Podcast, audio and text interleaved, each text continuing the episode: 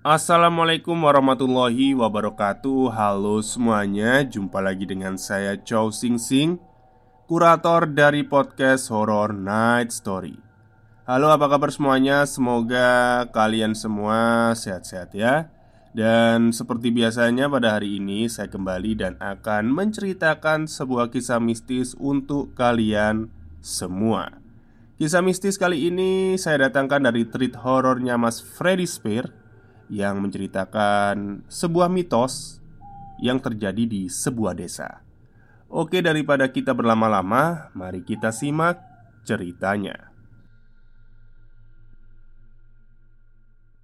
Di waktu itu, ketika ada perjaka yang meninggal dunia, hal itu akan menjadi masalah, bukan hanya untuk keluarga saja, tapi untuk seisi kampung. Cerita ini terjadi sekitar pertengahan tahun 98 Waktu itu saya masih kecil Tapi cerita ini saya rangkai dengan beberapa memori orang yang sudah dewasa saat itu. Lagi-lagi untuk lokasinya saya tulis secara fiksi ya Untuk melindungi mereka yang terlibat di cerita ini. Bismillah. Kasianto adalah seorang pendatang di kampung Mojo. Tapi berbeda dengan pendatang lainnya yang biasanya menjaga jarak dengan warga asli. Kasianto justru sangat baik dengan para tetangga karena belum menikah dan tak punya anak. Kasianto sering membagikan rezekinya kepada warga sekitar. Dia selalu menjadi yang paling depan untuk memberikan sumbangan saat warga tengah membutuhkan uang. Tak jarang dia menjadi donatur tunggal jika kegiatan masyarakat kampung tidak bisa diakomodir pemerintah desa. Tapi umur memang rahasia Tuhan. Suatu pagi, Kasianto meninggal dunia. Setelah malam harinya dia mengeluh demam tinggi. Warga yang saat itu tak ada yang memiliki mobil Akhirnya hanya bisa memanggil mantri desa untuk memeriksa Kasianto. Setelah memberikan obat demam dan suntikan Mantri pun kembali pulang ke rumahnya. Tapi Esoknya nyawa Kasianto justru tak tertolong. Pemakaman pun dilakukan dengan cukup ramai. Jika melihat garis keluarga besarnya Kasianto harusnya menganut agama Katolik. Tapi Saleh, teman dekat Kasianto semasa hidup, pernah mendengar jika Kasianto mengakui jika dirinya sebenarnya sudah masuk Islam. Proses pemakaman sempat berlangsung lama. Pihak keluarga ingin agar Kasianto dimakamkan dengan keyakinan mereka. Tapi Warga yang selama ini merasa ikut memiliki Kasianto Ingin pria yang meninggal dalam kondisi bujang itu dimakamkan secara Islam Sesuai wasiatnya sebelum meninggal dunia. Solehlah Yang saat itu berusaha paling ngotot Agar Kasianto dimakamkan secara Islam. Sampai akhirnya disepakati Proses pemakaman dilakukan secara Islam. Tapi makam Kasianto akan dikijing, bahkan dipasangi hiasan patung malaikat seperti makam keluarganya yang lain. Karena alotnya proses negosiasi warga dan keluarganya, Kasianto baru dimakamkan menjelang maghrib. Selepas memakamkan, warga pun kembali ke rumahnya masing-masing. Masalah sempat kembali muncul ketika warga ingin mengajikan Kasianto Sesuai dengan kebiasaan di kampung Mojo. Mereka yang meninggal akan dingajikan selama tujuh hari tujuh malam.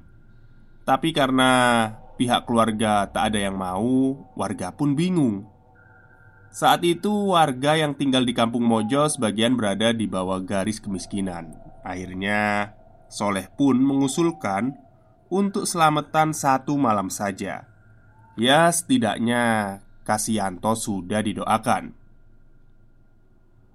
Wes Pakai kas masjid ae. Kan bisa digunakan itu kasnya. Kata Soleh kepada warga. Ya wis leh. Kasihan juga Om Kasianto. Keluarganya juga nggak mungkin nyelamatin. Jawab Matori Yang saat itu menjadi ketua RT Akhirnya dengan kesepakatan warga Pengajian digelar dengan satu malam saja. Ada banyak warga yang datang Terutama mereka yang mengenal Kasianto sebagai orang baik. Tapi ternyata kematian Kasianto yang sebenarnya normal-normal saja. Malam itu tiba-tiba seolah membangkitkan mitos Yang selama ini muncul di kampung Mojo. Sekitar jam 10 malam Kampung sudah sangat sepi Semua orang sudah terlelap. Hanya tersisa beberapa orang dewasa Pria yang kebetulan tengah jaga ronda Termasuk Soleh. Entah dari mana asalnya Angin malam itu terasa lebih kencang dan lebih dingin dari biasanya. Soleh merasa seolah ada yang tidak beres dengan kampungnya malam itu. Malam itu, Soleh meronda berdua dengan Nur Hadi. Awalnya mereka mengabaikan tanda-tanda alam malam itu, tapi saat malam semakin larut, suasana semakin tak nyaman. Nur, ayo keliling aja. Siapa tahu ini ada orang yang sedang belajar ilmu goib. Hawanya nggak enak, kata Soleh mengajak Nur Hadi. Berbekal sarung yang dibebatkan ke leher untuk melawan dingin Keduanya mulai keliling kampung Hampir tidak ada rumah yang menyalakan lampu di kampung. Hanya satu dua rumah warga yang ekonominya agak baik Yang menyalakan lampu rumah. Akhirnya Keduanya pun melewati jalan yang berbatasan dengan pemakaman keluarga. Di pemakaman inilah Kasianto dimakamkan. Sekitar 50 meter dari pemakaman, tiba-tiba ada sekelebat bayangan yang berlari dalam kegelapan. Arahnya menuju area pemakaman. Soleh dan Nur Hadi tentu terkejut. Meski bukan penakut, kedua orang itu merasa harus sigap karena pada waktu-waktu tertentu kampung itu kerap didatangi oleh harimau. Apalagi jika gunung yang berada tak jauh dari kampung itu sedang terbakar. Kamu lihat kan Nur?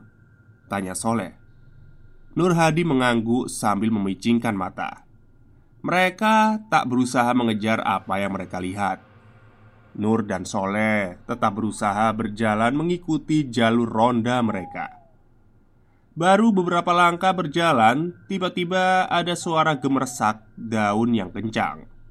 Kali ini suara itu terdengar seolah memanjat pohon durian besar.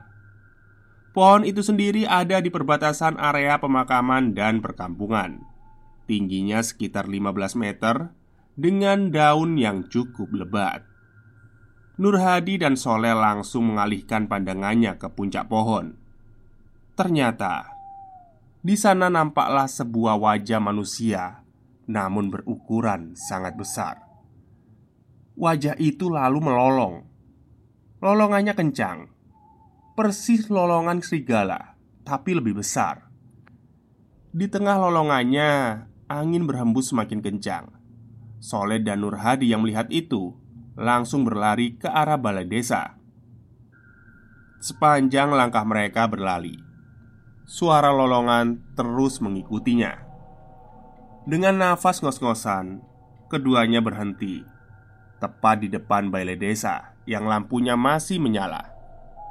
Di sana keduanya pun bertemu dengan dua orang lainnya yaitu Saini dan Sarif Yang juga sedang jaga ronda malam itu Setelah minum air putih Soleh dan Nur Hadi bercerita pada Saini dan Sarif Tentang apa yang baru saja mereka lihat Saini yang paling tua dari ketiga orang itu lalu bercerita jika dirinya sempat mendengar dari almarhum bapaknya Jika seseorang yang mati dalam keadaan perjaka harus disandingkan dengan perempuan yang meninggal dalam kondisi perawan. Disandingkan bukan berarti dimakamkan bersama, tapi seolah dibuatkan ritual khusus, seolah menikahkan kedua orang itu yang sudah meninggal. Ya, misalnya tidak dinikahkan, nanti yang laki-laki bisa berwujud jadi baong, kata Saini. Soleh awalnya merasa tersinggung dengan cerita Saini. Dia berpikir tidak mungkin Kasianto yang begitu baik semasa hidupnya menjadi makhluk jadi-jadian.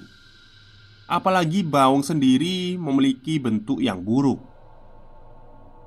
Ya, kalau kamu nggak percaya ya lihat aja Jawab Saini Seolah melihat keraguan di mata Soleh Awalnya Soleh tetap tidak percaya Meski dia pernah mendengar mitos seperti itu Tapi baginya hal itu seolah mustahil terjadi Mereka berempat sempat tertahan sampai kemudian suara puji-pujian terdengar dari masjid kampung mereka pun bubar dari halaman balai desa dan kembali ke rumahnya masing-masing. Di jalan, Soleh kembali mengajak berdiskusi Nur Hadi. Ini saya langsung alihkan ke bahasa Indonesia ya semuanya.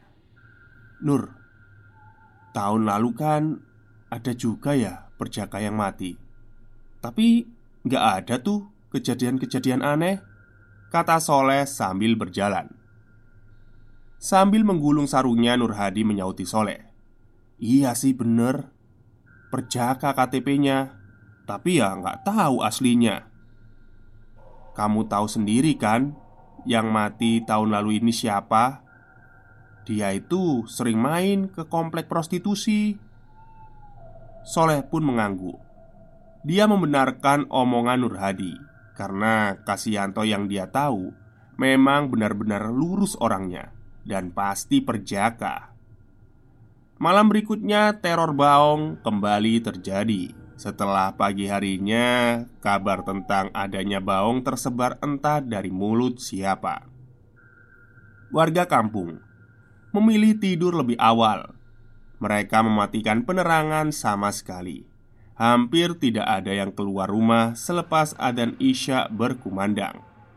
Seperti malam sebelumnya, angin berhembus kencang dan dingin, terutama di dekat rumah-rumah yang berhimpitan dengan area pemakaman dan rumah peninggalan Kasianto yang kosong tak berpenghuni. Suara lolongan juga terdengar di lorong-lorong jalan. Di tahun itu belum terlalu banyak bangunan. Jarak paling dekat antar rumah warga 7 sampai 10 meter. Sisanya lebih jauh. Meski sebagian warga ketakutan, masih terbesit rasa penasaran di hati Soleh. Pria itu seolah masih nggak rela jika almarhum kawannya itu menjelma menjadi makhluk jadi-jadian. Akhirnya malam itu Soleh mencari cara. Soleh berjalan seorang diri ke dekat salah satu rumah yang berada sekitar 70 meter dari area pemakaman. Di dekat rumah ada selokan kering, bisa dimasuki Soleh. Dia lalu bersembunyi di sana berharap bisa melihat apa yang sebenarnya terjadi di kampungnya. Soleh menutupi tubuhnya dengan sarung hingga hanya nampak dua matanya saja.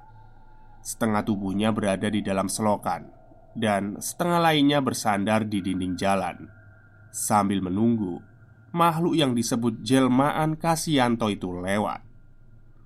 Waktu terus berjalan, tapi Soleh tidak melihat tanda-tanda seperti malam sebelumnya angin mendadak pelan dan seolah menghilang. Soleh tetap berusaha bertahan di situ, di tengah rasa kantuknya yang mulai menyerang. Tapi menjelang tengah malam, Soleh tiba-tiba merasakan angin yang kembali berhembus kencang. Kali ini disertai dengan aroma bunga flamboyan basah. Soleh pun mulai terjaga dari rasa kantuknya. Lalu suara lolongan itu pun muncul Muncul semakin dekat di tempatnya berdiri Soleh melebarkan matanya berusaha menangkap bayangan atau apa pun itu Lolongan suara yang entah dari mana asalnya itu terdengar semakin kencang Soleh menoleh ke kanan dan ke kiri Dirinya juga khawatir Tiba-tiba sosok itu muncul dari arah belakang Sampai kemudian terdengar suara derap kaki yang berat. Soleh langsung mengalihkan pandangannya. Dalam waktu singkat, sekitar 10 meter di depannya, nampak sesosok makhluk yang tengah berdiri. Tubuhnya mirip dengan tubuh singa dengan ukuran yang sedikit lebih besar. Tubuh Soleh kemudian mendadak kaku. Ada ketakutan yang menjalar dan membuatnya hanya bisa mematung. Soleh berusaha memberanikan dirinya menatap wajah makhluk itu. Di dalam ketakutan, Soleh melihat jika wajah makhluk itu sangat mirip dengan wajah kawannya Kasianto. Bedanya makhluk itu ditumbuhi bulu halus dengan rambut yang panjang mirip dengan singa.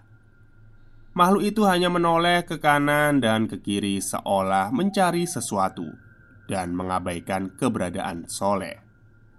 Tak sampai satu menit, makhluk itu berlari sambil terus melolong, seperti seseorang yang sedang mencari sesuatu.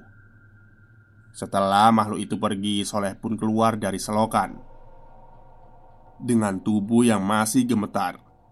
Soleh mendatangi rumah Saini malam itu juga Singkat cerita, karena teror Baong terus muncul, Soleh dan Saini akhirnya sepakat mencari di mana ada perawan yang baru saja meninggal.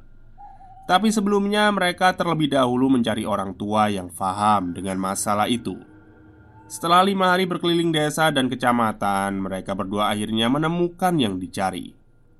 Ada seorang gadis yang masih berusia belasan tahun yang meninggal dunia akibat kecelakaan. Saini dan Soleh menemukan orang tuanya dan meminta persetujuannya. Meski sempat ditolak, Saini dan Soleh berusaha terus merayu dan merajuk.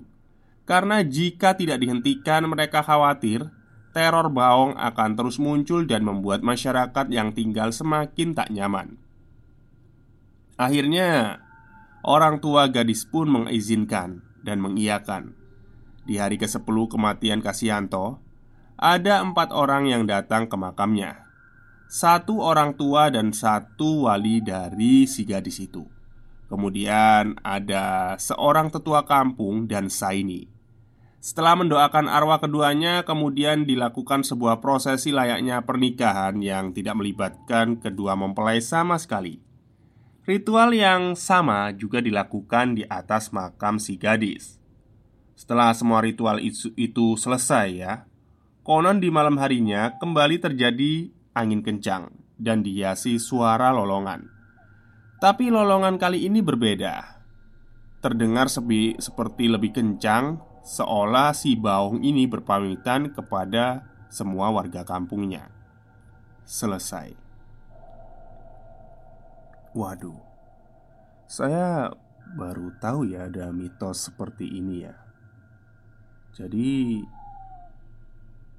mungkin saya pernah mendengar juga mitos yang ada di Cina ya. Cina, Taiwan, atau Hong Kong itu katanya kalau ada seseorang yang meninggal tapi nggak punya pasangan itu biasanya keluarganya akan mencarikannya dengan cara kayak jebak gitu ya. Jadi kayak misalnya di jalan-jalan gitu kan. Di pinggiran jalan itu dikasih amplop warna merah, terus isinya ada uangnya. Nanti kalau ada yang ngambil tapi ya tergantung ya siapa yang ngambil Entah itu laki-laki entah itu perempuan ya. Kalau yang meninggal laki-laki kan pasti yang ngambil harusnya perempuan dong.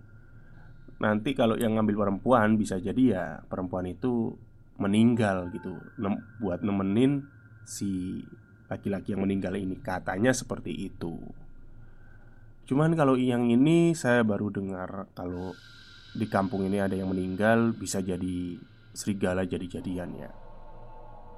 Ya. Memang benar sih. Alhamdulillahnya Mas Kasianto ini lurus ya orangnya ya. Nggak pernah macem-macem nggak pernah mampir ke prostitusi open bo atau apalah. Ya bisa dianggap masih perjaka. Tapi kalau coli itu masih perjaka nggak ya? Nggak tahu juga ya. Oke mungkin itu saja cerita dari saya pada hari ini. Terima kasih kepada Mas Freddy Spear yang sudah mengizinkan ceritanya. Oke, selamat malam dan sampai jumpa.